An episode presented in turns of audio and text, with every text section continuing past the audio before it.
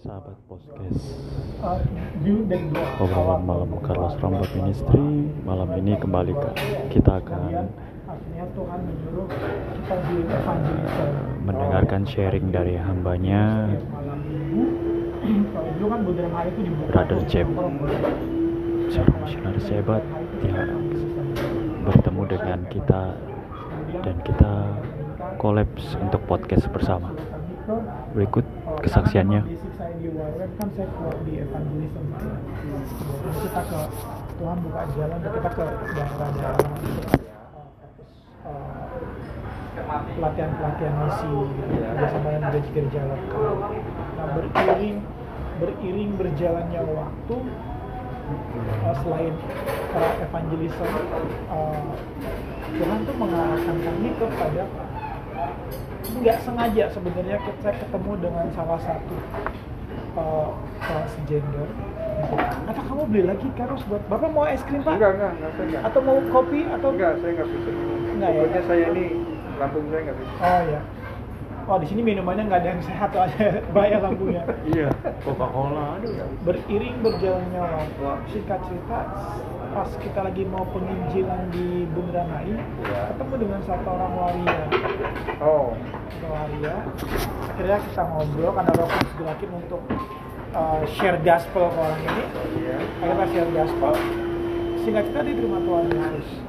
Persoalannya kan mereka itu kalau yang ngamen-ngamen di jalan ini kan mereka kalau mau ngamen itu mereka mesti mabok dulu pak Oh, mereka iya. tuh bisa minum rana ramadol atau destro itu sampai 40 butir iya. 50 butir bahkan komik komik saset itu sampai 30 saset mereka minum setelah minum komik baru mereka minum anggur orang tua itu lagi tuh anggur jadi memang mereka benar-benar fly karena mereka jadi kalau mereka udah high gitu kan mereka nggak malu joget gaya-gaya Iya, iya. gitu mereka nggak malu gitu. Nah, ketika saya sharing gospel, saya beritakan kabar tentang Tuhan ke waria ini kan memang dia dalam keadaan mabok. Iya. Dia iya iya aja pak, yang yang ngomong bukan dia ini alkohol yang mau minum, Oh, yang ngomong iya, kan gitu. iya. Jadinya saya kasih nomor nomor telepon saya, saya bilang kamu telepon saya ya gitu. Terus nanti kita ketemuan, tapi jangan kamu jangan pakai dandan kayak gini saya bilang. Saya berdoa, saya bilang kalau memang Tuhan mau saya follow up dia, ya Tuhan gerakin hati orang ini telepon saya gitu. Iya, betul. Terus kemudian nggak lama biasanya dia telepon, dia telepon, terus kita ketemuan, saya ketemuan, saya bilang kita, kita kecil sama dia. Terus saya bilang, ya udah saya ngajarin kamu baca. Ehm, tempat kamu di mana? Dibawalah saya ke kontrakannya Pak. Saya sama teman-teman saya di kontrakannya itu di Kampung Bandan belakang WTC Mangga 2 situ Oh, itu ternyata pemukiman mereka semua, semua. komunitasnya dia semua. Iya. Begitu kita masuk ke rumah gubuknya dia, kan tinggal kereta gitu kan, masuk ke rumah gubuknya dia, rumahnya kan kecil gitu. Terus tiba-tiba temennya tuh tiga atau empat orang yang wajahnya udah serem-serem banget gitu kan. Pak depan pintu gitu diri. Kita kan kaget pak ya. iya, iya, betul. Aduh Tuhan Yesus gimana nih? Saya dengan dengan tim saya kita ada empat atau lima orang waktu itu. Terus eh, ya udah janji Tuhan tidak sehelai rambut pun akan disentuh Iya, gitu. Tapi ternyata mereka baik, mereka antusias. Ngobrol-ngobrol, nah dari situ mulai ketemu satu satu satu. Akhirnya itu saya dipertemukan dengan jadi kalau mereka itu di setiap wilayah, mereka itu punya kayak semacam tua-tuanya gitu, Oh. emak-emaknya. Ketemu dengan emak-emaknya yang paling senior di situ. Nah, justru dari semua itu akhirnya emak-emaknya yang berpegang sama kita. Sampai dia terima Tuhan Yesus, sampai dia dibaptis, emak-emaknya ini. Nah, akhirnya kita waktu itu kita setiap minggu tuh kita seminggu sekali tuh buat konser di sini kan. Buat konser. Nah, akhirnya pas waktu oh, kalau pasti tahu eh, dulu yang disentuh itu adalah Empower 21 Hmm, iya. Nah, Em- Empower 21 itu waktu tahun 2012 atau 2012 saya diminta bantu saya sama eh, saya diminta eh, diajak teman untuk bantu tim hospitality kan. Jadi untuk uh, mengakomod untuk apa tim-tim yang dari luar negeri saya hospitality-nya. Nah di Empower 21 itu pada saya di belakang panggung tiba-tiba Tuhan bicara sama saya saya dikasih penglihatan stadion yang luas isinya waria semua. Dan itu saya ada di atas panggung sedang bicara. Saya bilang, apa saya kaget. Gitu Tuhan bilang retret waria akhirnya saya ngobrol sama ketuanya. Ini kita bikin yang bagiannya retret apa ya bung ya? Karena ini dia nggak ngerti kan? Kan dari Kedar pak ya Betul. akhirnya gini kak kayak kayak pesantren kilat Hmm. gitu khusus ini ini oh ya udah. Kita hubungin mereka. Dia kumpulin teman-temannya. Dia kumpulin teman-temannya sejabodetabek pak. Itu sekitar 60 Wow, waria banyak itu. tahun 2012 Banyak. bulan Oktober. Itu saya benar-benar kaget dan kami saat itu kaget dan takut ya bisa wajahnya kayak gerobak bakso semua Iya, karena memang udah ini. serem-serem kan Serem-serem. Ah, gimana ya? tapi akhirnya udahlah baju aja lah gitu kan ya puji Tuhan akhirnya uh, retret berjalan lancar gitu kan yang paling yang paling keselnya gini pas sama para waria-waria ini Bung dia bilang ini oh, mereka mau tapi mereka bingung untuk transport ke sananya. Iya, betul. dari Bekasi ke ini mereka bingung ya udah ntar saya kasih saya, saya, saya, saya kasih dia uang transport lah satu orang. Saya itu kan dari Bekasi naik kereta ini ya pulang pergi dua puluh ribu lah gitu kan ya. Betul, iya. udah berapa orang dari luar kota saya ntar saya kasih saya ganti uang transportnya gitu. Udah dua hari udah hari apa? Dua hari semua udah siap bus kita udah booking udah bayar DP villa udah semua konsumsi udah semua udah DP tiba-tiba dia bilang gini Bu mereka nggak mau Bu mereka minta dikasih uang transport sehari seratus ribu Iya, iya. Iya pasti, itu pasti. sehari seratus ribu kita bikin tiga hari tiga ratus ribu belum Iya. hari akan tiga ratus ribu berapa pak 18 juta Iya, 18. Iya, betul. saya mau batalin ini udah semua udah udah Ya, udah- udah udah ini semua pembicara udah siap semua. Tuhan gimana ini? Tuhan aduh apa bener nih pelayanan saya begini?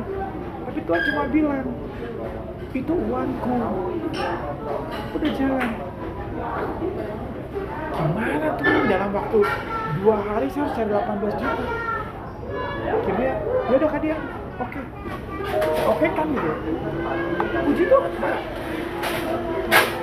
boom Tuhan kasih dan Tuhan mau itu setiap retret kami mengeluarkan dana hampir 40 sampai 50 juta Pak. Iya. Ini retret retret yang ini yang ke-8. Retret yang ke-7 kita buat di Georgia.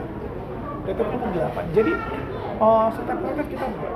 Puji Tuhan memang eh, tahun 2015 saya sempat mau menyerah karena saya pikir Tuhan gue capek. Tiap retret kita kita penjangkau, tetap konser segala macam segala macam.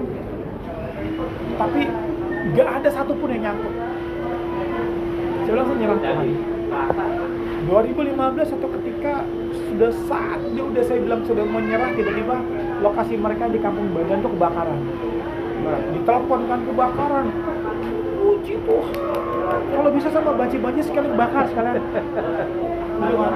akhirnya tiba-tiba teman-teman saya telepon "Eh, chef kampung Bandan kebakaran ya? Iya ini aku udah transfer 2 juta buat anak-anak lo di kampung Bandan.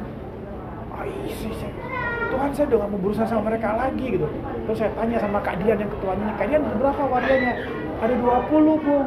Pas lah satu orang seratus ribu kan. Karena saya bilang oke Kak Dian kita ketemu. Saya pinjam satu gereja gereja baptis yang di sana karena uh, kita punya hubungan yang baik sama gerejanya. Jadi kita bebas pakai kapan aja. Kemudian kita ketemu di sini. Bawa 20-20 orangnya ke sini. Maksud saya, kasih sekitar 100 ribu, sharing firman dulu deh. Ibadah dulu, setelah itu gue kasih, setelah itu gue bodoh amat, lu mau ngapain, mau ke mana bodoh. Ini 100 ribu tuh dengar firman, setelah itu keputusan tangan lo, lu mau apa terserah. Kumpul ibadah apa? Di saat worship bukannya bukannya saya suka cita ketawa, saya nangis lihat mereka. Saya nangis. Cuma satu kata Tuhan bilang, mereka butuh pemimpin Jeffrey. Nangis nangis suruh kembali lagi. Akhirnya pulang saya kumpulkan tim saya saya bilang oh gimana? Kondisi kayak begini begini. Kita doa.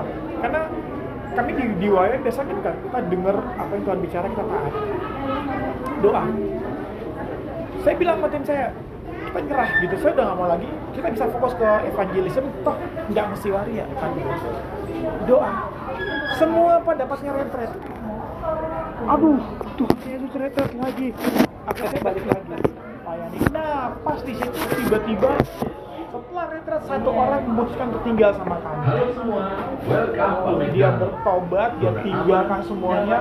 Dia tinggal sama kami akhirnya dia gabung dia ikut sekolah pemuritan di YWN di situ saya baru melihat kelelahan dan keletihan saya ketika dia berdiri di hadapan jemaat kan kita punya gereja lokal dia berdiri di hadapan, di hadapan jemaat semua tumpang tangan buat dia dia diutus pergi ke bangsa-bangsa. Kebayar. Saudaranya itu waria yang non datang ke kami dengan bulu mata panjang dengan tali satu tank top dengan wig dengan anjlok lengket datang ke tempat kami. Tapi saat itu saya berdiri di situ. Saya ber- dia berdiri di atas jemaat itu. Saya di belakang saya duduk pak. Saya nangis di situ Tuhan ini yang Tuhan mau. hati pikiran dana semua tercurah untuk ini. nah itu ada tuh mulai banyak nah kita tuh punya base kita kontrak satu rumah yang kita jadikan base pak. Jadi mereka yang mau bertobat yang mau benar-benar dipulihkan tinggal sama kami kami muridkan. Oh. gitu kan. Kami muridkan dan puji Tuhan. Memang uh, sudah ada beberapa yang akhirnya sekarang uh, kami. dia sudah jadi uh, penginjil Bersama di kita di juga pedalaman COVID-19. pedalaman Kemudian satu lagi sedang sekolah gabung dengan YWM di Bandung satu lagi baru pulang dari India kemarin. Sekarang dia lagi istirahat di di uh, Bandung. Dia baru pulang dari India kemarin. Satu orang lagi ada tinggal sama kami. Dan memang uh, pasca pandemi ini akhirnya saya tidak mau terima mereka dulu. Gitu karena memang uh, kalau banyak orang di situ saya khawatir tetangga lingkungan komplain gitu kan. Nah iyalah. akhirnya uh, sekarang ini nah kema tahun dua tahun kita bikin kita nggak jadi bikin retret kan ya dua tahun kita nggak buat Iya, retret karena kondisi Iya, 2017 kami buat di Jogja. Kita uh, buat di Jogja. Nah, uh, jadi ke depan visi yang yang yang yang memang kita mau yang saya mimpikan yang Tuhan kasih, kita membangun satu rumah rehab khusus waria, tempat rehabilitasi waria. Gitu. Itu yang yang, yang mimpi kami dan uh, beriring berjalannya waktu kan memang saya tidak ngerti bagaimana cara menolong mereka, bagaimana membantu mereka, tapi akhirnya di lapangan lah kita menemukan bagaimana membantu mereka, bagaimana menolong mereka. Ini tidak kami temukan di disi, uh, di perguruan tinggi mana pun, tapi di lapangan bersama Kristus kita ketemu bagaimana menolong dan membantu mereka. Nah, akhirnya di retreat ini biasanya kalau setiap retreat itu sampai 60 sampai 70 Pak kita buat, tapi kali ini retreatnya saya cuma targetkan cuma 20 orang waria. oh 20 yang memang sudah pernah sudah pernah berapa kali ikut retreat gitu kan. Kenapa 20? Karena 20 ini akhirnya akan setelah retreat ini akan ada pembinaan, pembinaan, pembinaan buat mereka. Bagaimana akhirnya mereka kita bina sampai akhirnya 20 ini kita persiapkan jadi tim kami ketika untuk melayani waria, ada dengan waria, mereka lah yang akan maju. Bukan bukan tim-tim saya lagi karena dari semua tim saya nggak ada satupun yang berani berusaha sama waria. Gitu jadi akhirnya uh, para 20 orang yang retreat ini akan kita persiapkan untuk maju. Nah karena memang saya melihat bahwa untuk memulihkan mereka itu harus pertama memang ada dalam dalam dalam diri mereka sendiri. Dalam diri mereka mereka ada keinginan itu. Kedua memang kita harus bawa mereka untuk bagaimana mereka mengenal Kristus dengan benar. Mengenal Kristus dengan benar dan menyembah dengan cara yang benar uh, bukan dengan cara yang dipaksakan oleh gereja lain, gereja A, tapi dengan cara yang benar dan yang dia mengerti. Karena kan Tuhan kita kan Tuhan yang fleksibel, Pak ya. Bukan yang ngejelimet gitu kan. Yang yang lo harus wudhu dulu apa enggak. Nih, tapi Tuhan kita kan Tuhan yang fleksibel, omnipresent. Di mana-mana ada kapan pun kita bisa ketemu. Nah, Jadi eh, di retret ini kita mau membawa mereka untuk mengenal Kristus dengan benar. Karena kebenaran itu akan mengubah mereka. Ini saya dapatkan gini Pak, ketika di di base kita itu setiap pagi mereka kita bangun jam 5 subuh Pak, ini para wali-wali ini. Bangun jam 5 subuh doa, worship, doa setiap hari. Banyak orang bilang kasih mereka pelatihan ini, skill, oh, pelatihan kerja, pelatihan ini, pelatihan bukain lapangan kerjaan buat mereka. Sebelum karakter mereka diubahkan, Iya, itu nggak bakalan dulu, bisa. tertanam dulu. Karakter dulu kan Kristus dulu benar-benar tertanam dalam diri dia. Baru nanti kalau ada yang namanya healing movement yang healing segala macam itu kalau Kristus itu udah tertanam. Baru pelan-pelan dikupas kayak kita ngupas bawang kan pak? Gitu. Nah artinya nah saya menemukan itu di lapangan seperti itu. Tidak punya uh, rencananya di itu kita mau membawa mereka uh, untuk benar-benar mengenal Kristus dengan benar gitu ya. Nah ini harapannya bahwa uh, di retret nanti Pak, uh, sebenarnya kemarin itu kita uh, lagi pembicara kita berharap uh, sempat ngobrol juga sama uh, Carlos, cuma karena kemarin ketemuannya nggak jadi, jadi uh, memang sudah sudah ada pembicara Pak, tapi memang masih banyak banyak uh, nanti mungkin didoakan dulu Pak, kan? karena saya juga tidak mau langsung uh, maksa gitu kan ini karena pekerjaan Tuhan gitu. Jadi di retret nanti itu kita akan bagi kelompok-kelompok kecil, Pak. Jadi nanti kan materinya tentang keselamatan, tentang kemudian uh, hati Bapa, tentang uh, tadinya tentang gambar diri, tapi kalau gambar diri kita mau kupas lebih dalam lagi tentang identitas diri.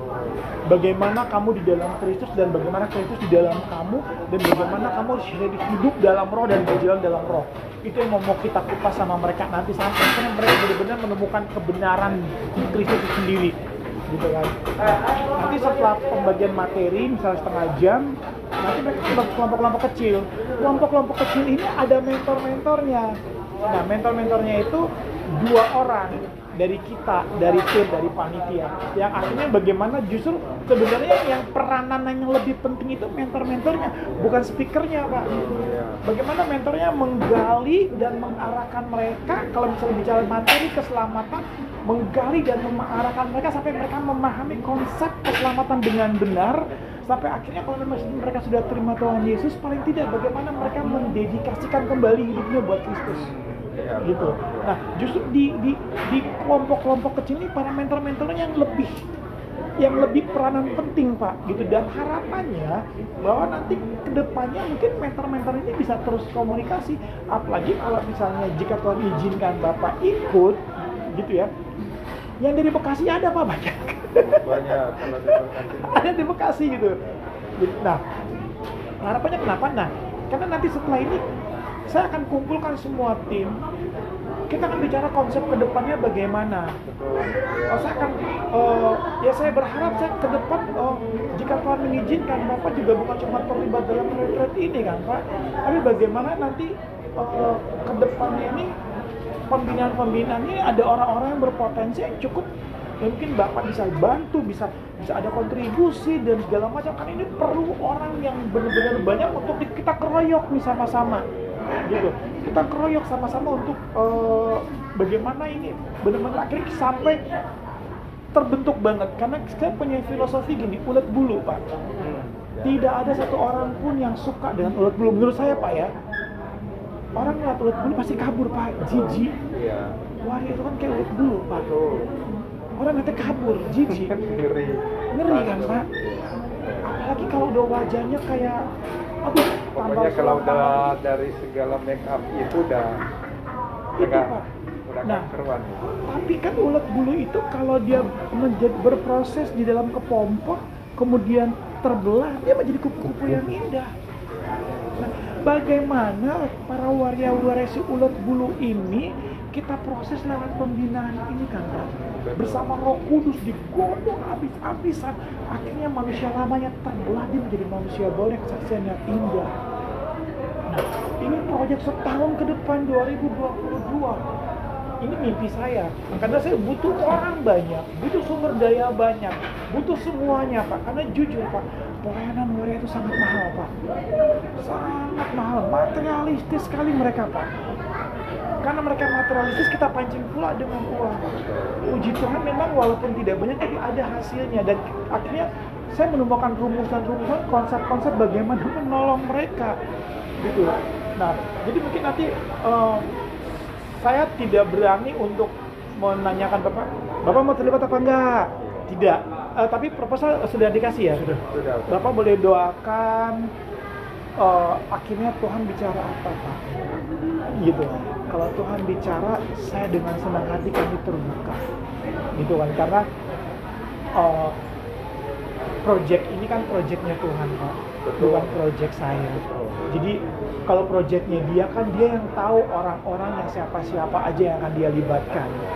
Dari dulu tuh saya udah kenal dia selama dan berapa kali udah udah lama banget terus untuk ketemu aja saya males gitu pak. Emang saya nggak oh, Gak penting, gak penting. apa sih Carlos? Males lah gitu. Males. males untuk ketemu dia pak gitu. Se- seperti gabung sama YWM Jakarta kan? Nah kan- kalau kita sesama gini kalau YWM itu kan eh, seumur hidup pak keanggotannya pak. Jadi kalau kalau Carlos udah pernah ikut sekolah pemurikan di YWM sampai tuntas dia seumur hidup menjadi YWMer Nah, jadi sesama YWM itu kita punya kedekatan emosional. Kedekatan, ya, Ah. betul. Nah, ketika dia ikut sekolah pemurikan di YWM Jakarta, saya dengar, "Ay, itu manusia apa di ketika gitu." Saya nggak mau hubungin dia, Pak.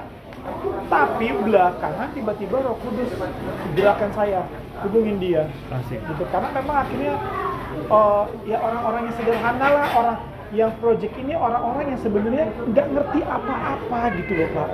Untuk Tuhan pakai untuk ngurusin kayak begini. Kenapa nggak Dokter Andik, Bapak kenal ya Dokter Andik Ya. kan? Kenapa nggak Dokter Andik? Kenapa nggak ada psikolog, psikolog atau psikiater, psikiater? Tapi ya kayak kita kita ini Tuhan pilih gitu kan. Nah, jadi saya tidak tahu eh, saya berharap ada satu ke depannya memang setelah ini ada memang ada kerjasama ilahi yang terjalin antara kita pak. Ke depannya karena memang untuk eh, waria ini perlu dikeroyok rame-rame. Jadi eh, garis besarnya seperti itu dan kita punya tim gitu ya. Dan memang tim saya juga memang sangat eh, walaupun mereka sudah berapa udah sering kali eh, dengan para waria-waria tetap mereka nggak kalau mereka ketemu waria di jalan itu mereka cuma say hi say hi aja.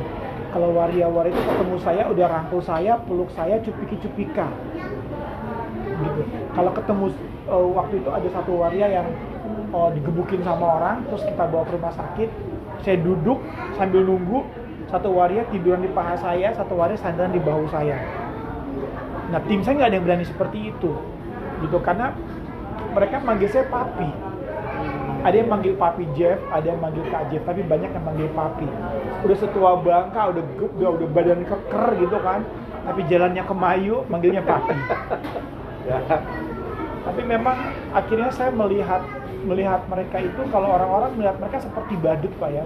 Tapi saya melihat mereka saya menangis pak. Saya menangis mbak mereka. Kasihan. Kalau bukan kita siapa lagi?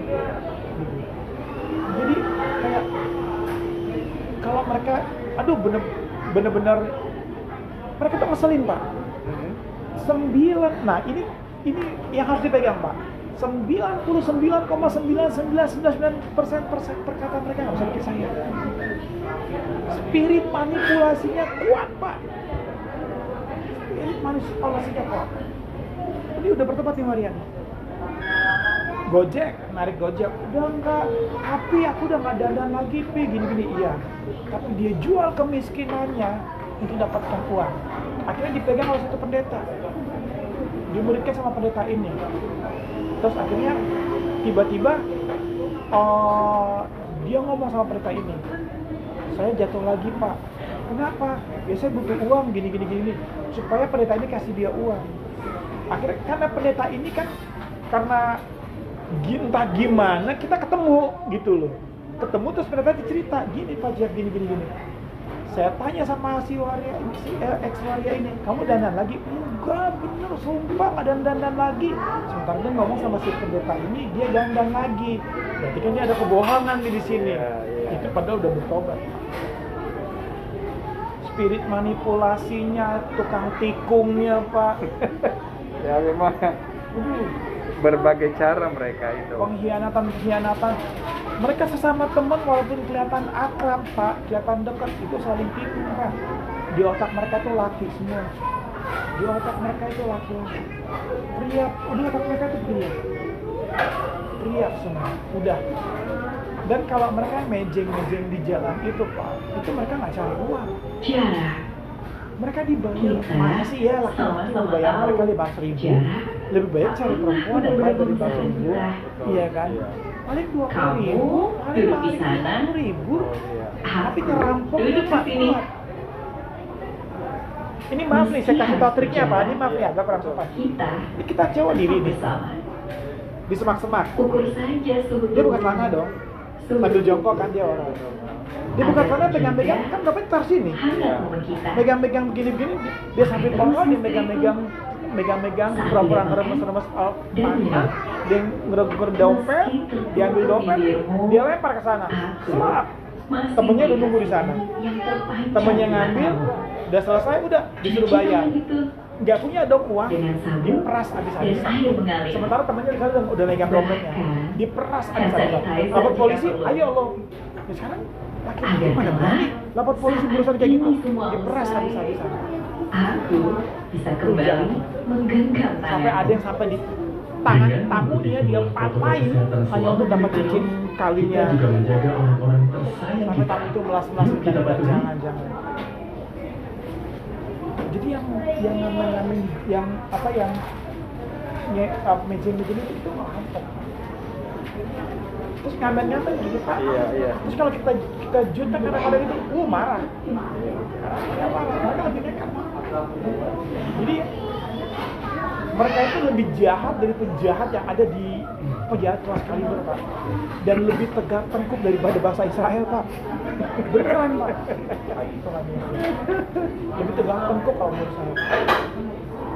Jadi ini sekedar ini jadi nanti kalau memang Tuhan berkenan Iya. bisa gabung bantu ya kondisinya seperti itu. Pak. tapi mereka tetap mereka butuh Kristus. Mereka butuh kita untuk menyampaikan kasih Tuhan. Mereka butuh yang namanya kasih Bapa. Mereka melihat saya mereka mel- eh, saya percaya bahwa mereka melihat saya mereka merasakan kasih Bapa. Karena saya berusaha untuk jadi papi buat mereka walaupun hati saya "Ah, Tuhan Yesus. Rasa mau bakar mereka Pak. belum mau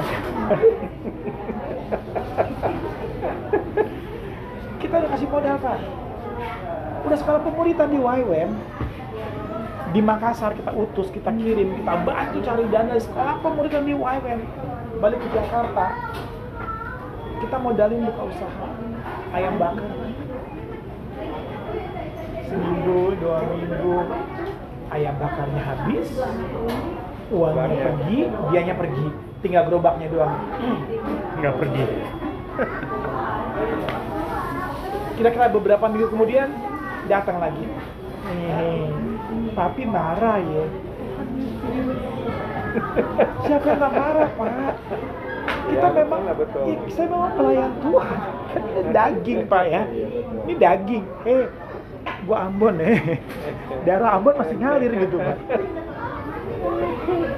Satu-satunya di tim saya pak yang pernah menelanjangi waria sampai saya pukulin waria saya gampar waria di tempat dia mangkal pak. Itu saya pak. Dan semua waria nggak ada yang berani nggak ada yang berani bantu jadi satu pas lagi retro waria ini bilang iya saya janji deh nggak dandan lagi. Bener janji kalau dandan gue telanjangin ya. Iya bener gue panggil kan teman-teman nih. Janji nih dia kalau di dandan gue telanjangin. Janji ya iya. Dua hari kemudian ada telepon. ini namanya waria kan saling saling tukang-tukang mengkhianati pak. Apa ya? jangan bilang dari gua ya. Kenapa? Tuh dandan lagi. Serius? Iya. Oke karena dia janji saya muter tempat mangkalnya mereka ketemu di pelumpang begitu pelumpang pas lagi Allah Akbar Allah jam 5 subuh.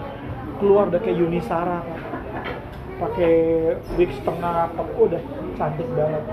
Saya nggak pakai basa-basi lagi. Saya tarik bajunya. "Dah, eh dia begini kayak dia bener aja dia punya kan gitu kan. Apa oh, kos kaki itu keluar tok mental gitu kan. Dia begini lalu lo kayak punya aja saya gampar saya tarik saya, marah-marah saya gampar dia saya pokoknya saya nggak caci maki keluar kata-kata yang kasar saya bilang lu udah janji begini gini gini apa apa apa itu semua waria duduk cuma berani nonton dan gak ada yang berani sentuh. Ada yang waria nggak kenal sama saya kan? Itu siapa tuh? Kok macam-macam?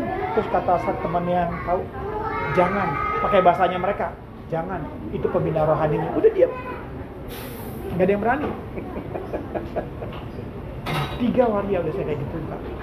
tapi akhirnya kan saya berpikir cara kekerasan nggak kena juga. Iya benar. ya sudah lah cara karena saya berusaha dengan cara saya nggak kena. Saya biar cara roh kudus aja nah kurang lebih seperti itu pak. Jadi bisa jadi perenungan nanti dibawa dalam doa karena saya kalau dilihat dari eh, pasti sambil minum pak ya Iya silakan. Dari perjalanan awal tahunnya ini mereka ini le- awalnya kenapa sih bisa bisa terjadi hal demikian buat mereka ini? random pak ya Iya. Jadi ada yang memang dari kecil sudah ada gelagat-gelagat seperti itu. Ada juga ada yang juga sudah eh, pas ketika dewasa. Jadi ada satu orang waria yang tadinya dia kuli kuli bangunan, terus kemudian dia ja- di Jakarta dia nggak punya siapa-siapa. Ada satu waria ini naksir sama dia, dibawa sama waria ini tinggal serumah. Lama-lama lama akhirnya jadi jadi waria itu dandan. Ada yang seperti itu ada juga yang akhirnya dia cuman karena dia butuh uang dia ikut ngamen dia dandan dia dandan ikut ngamen karena lebih mudah dapat uang kan tapi akhirnya kebablasan Kebablasan. kebablasan ini ada yang karena faktor lingkungan ada yang faktor dari kecil dari begitu lahir udah dari kecil udah nunjukin gelagat seperti itu gitu.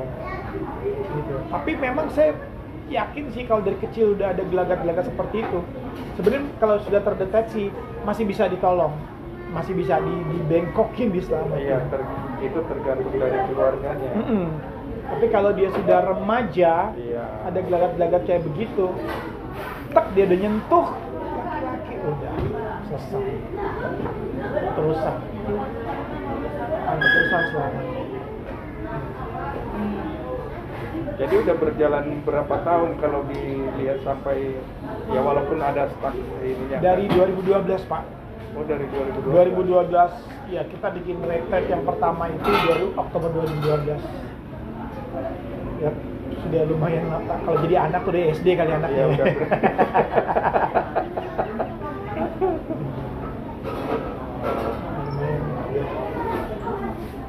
saya sendiri nggak sebenarnya kalau karena emang Tuhan panggil saya sebagai penginjil. Saya memang full time sebagai penginjil. Jadi Iya. jadi saya tidak tidak kerja full menginjil jalanan. Tapi memang akhirnya entah kenapa nih Tuhan bawa saya di sini taruh saya di sini. Memang dulu ketika saya kecil sampai saya di oh, jadi gini saya tuh dulu tinggal di Jalan Tambak. Sampai iya. sekarang mami saya tinggal di sana nah di Jalan Tambak itu pak banyak kontrakan para waria-waria Betul. Iya. oh, tahu pak ya Saya daerah saya dulu sempat sana. oh di di sini Tambak juga pak Saya di belakang di pasar rumput. oh ya berarti udah tahu lah ini Iya, saya tahu itu daerah situ. Nah, di Jalan Tambak itu kontrakan para waria-waria itu situ banyak banget, Betul, Pak. banyak itu. Jadi, kita bertetangga sama mereka. Jadi, saya tuh udah nggak kaget. Ada rasa takut tuh udah nggak ada sama mereka, gitu loh. Dan bahkan mereka sama mami saya, sama papi saya tuh berteman, berkawan, gitu loh. Kadang-kadang kalau mami, mami saya kalau mau bikin acara apa untuk rias-rias, panggil mereka, merias. Memang bagus kalau mereka niat. Bagus banget, Pak. Dan teman-teman saya satu orang teman saya diangkat anak sama dia.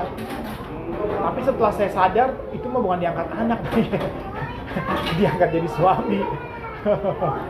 Jadi teman saya ada yang jadi di, dipiara sama dia gitu tetangga tetangga kami tetangga saya sama waria jadi eh, melihat mereka saya udah gak takut.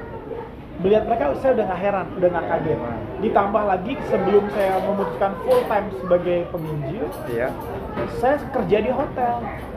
Oh. orang hotel tuh banyaknya LGBT pak makin makin paham lah saya makin mak- makin mengenal makin mengenal gitu Ya walaupun dari gerakan gak kelihatan, tetapi udah ketahuan dari face-nya Tahu. aja udah. dari face-nya tahu dari dari kalau saya udah ngobrol sama orang ini dari cara bicara dari tatapan matanya saya bisa bisa merasakan bisa tahu apalagi sesama waria pak waria dia ngomong ngomong sama cowok ini dia tahu nih "Ah, ini cowok ini belok nih dia bisa tahu pak dia pak dia bisa tahu cowok di ini cowok bayaran Dia bisa Sekong. tahu Sekong Iya, memang ya.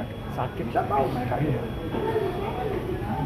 Karena memang dulu saya lingkungan saya juga nggak jauh dari di. Gang Edi pak ya Iya, itu. Oh Tuhan Yesus Tata nih di situ kontraknya. Oh, terus saya kita pindah di apa namanya di Jalan H. Halimun kan pak? Iya. Iya. Tata Dado di situ semua pak. Tata Dado semua dan anak-anak buahnya. Kan? Makanya saya juga nggak terlalu kaget sih kalau saya. Oh, pas lah itu. Karena kita udah tahu, udah tahu. Jadi Mana? Iya. Di sekitar kita itu ya gitu. Mana kalau nanti ada jemaatnya seperti itu kan sudah ah, Udah pengalaman. Iya saya dulu waktu ada tukang potong rambut saya. Potong rambut biasa awal, Terus saya datang kedua kali potong rambut lagi, ngajakin nonton. Saya kan nggak mau, gitu kan. Ayo nonton ntar malam. Tapi aku memang karena kan saudara saya kan ada di dekat di situ, saya tanya dulu ini orang, ini orang karakternya gimana. Mereka juga nggak tahu. Yang ketiga kali dia paksa saya harus pergi nonton. Saya bilang sama dia nanti saya datang. Jadi dia tunggu aja, kan dia memang dia punya eh, tempat potong rambut. Ya udah saya bilang dia nanti malam datang. Tahu nggak datang saya. Tahu nggak datang saya Ngamuk dia. ngamuk ya bener bener itu ngamuk ya Eh, saya kan di Manggarai itu eh di? Pasar pasar Kawi. Kawi. walaupun sekarang kan udah tutup ya. Yang ada bioskop Mahia. Guntur dia. ya kan di situ. Saya lewat dia panggil saya wah suaranya kayak ah. Aduh. Nah baru saya tanya sama saudara saya yang eh, yang satu lagi. Itu jangan ke situ kamunya. Karena saya dari kampung kan saya nggak tahu. Bagaimana sih mereka mereka ini kan? Saya nggak tahu bilang sama saya kamu jangan ke situ. Emang kenapa? Kan dia sama-sama laki-laki kan? Saya kan namanya kita nggak tahu. Iya tapi beda dia lebih suka laki-laki. Waduh saya udah dari situ saya nggak datang lagi. Dari situ nah dia cari. Dia cari kan sama temannya keliling ketemu. Pas lagi main saya ke rumah teman sama saya. "Kok kamu nggak motong-motong rambut saya.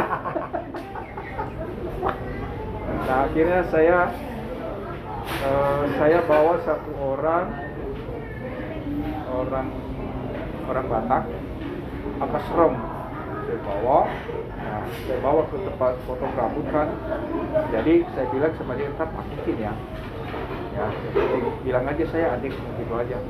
Udah dari situ udah nggak ada komunikasi lagi jadi walaupun saya lewat di situ udah biasa aja jadi karena udah ditakutin tadi gitu kan ya udah saya udah baru amal lah saya Wih ngeri saya ngeri.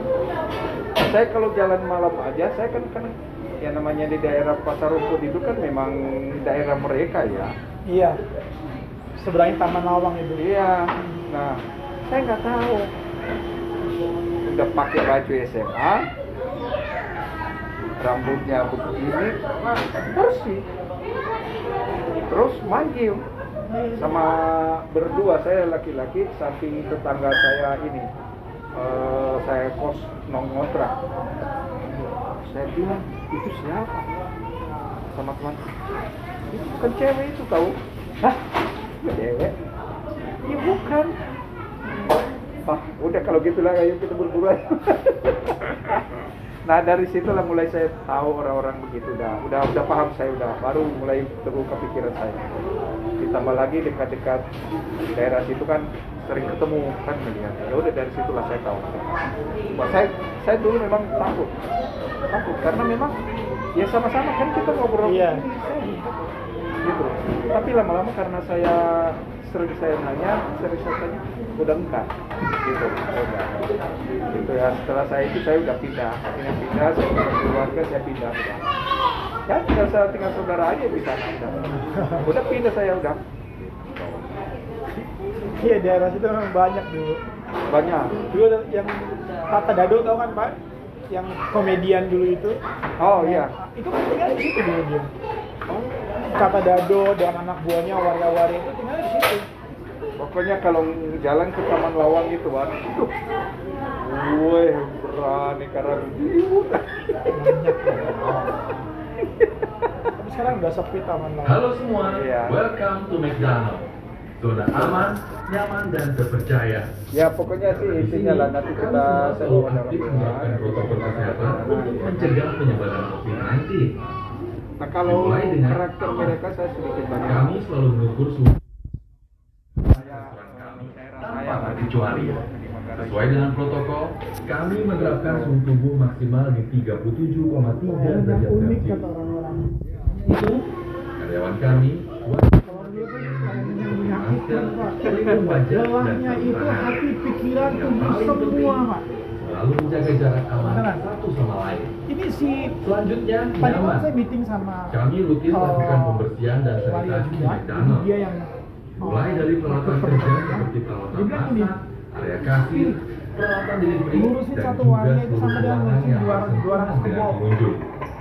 Semua karyawan Satu waria sama dengan diwajibkan 200 kebo. mencuci tangan dengan air bersih dan sabun jangan kan Pak mungkin Jet, dan saya sendiri aja yang waria udah pusing ngurusin anak-anak saya.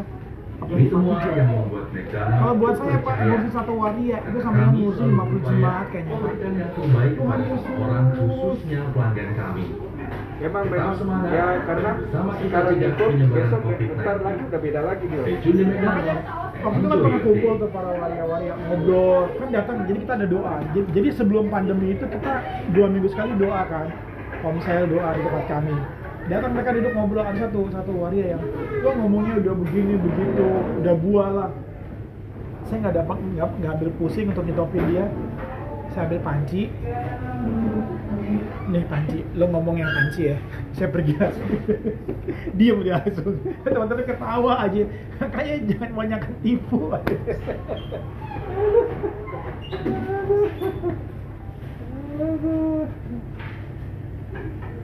Ya gini aja lah mudah-mudahan nanti ya sekitar saya bawa dalam keluarga Iya. gimana nanti eh, Tuhan ngarahin ke mana Iya. kan gitu aja.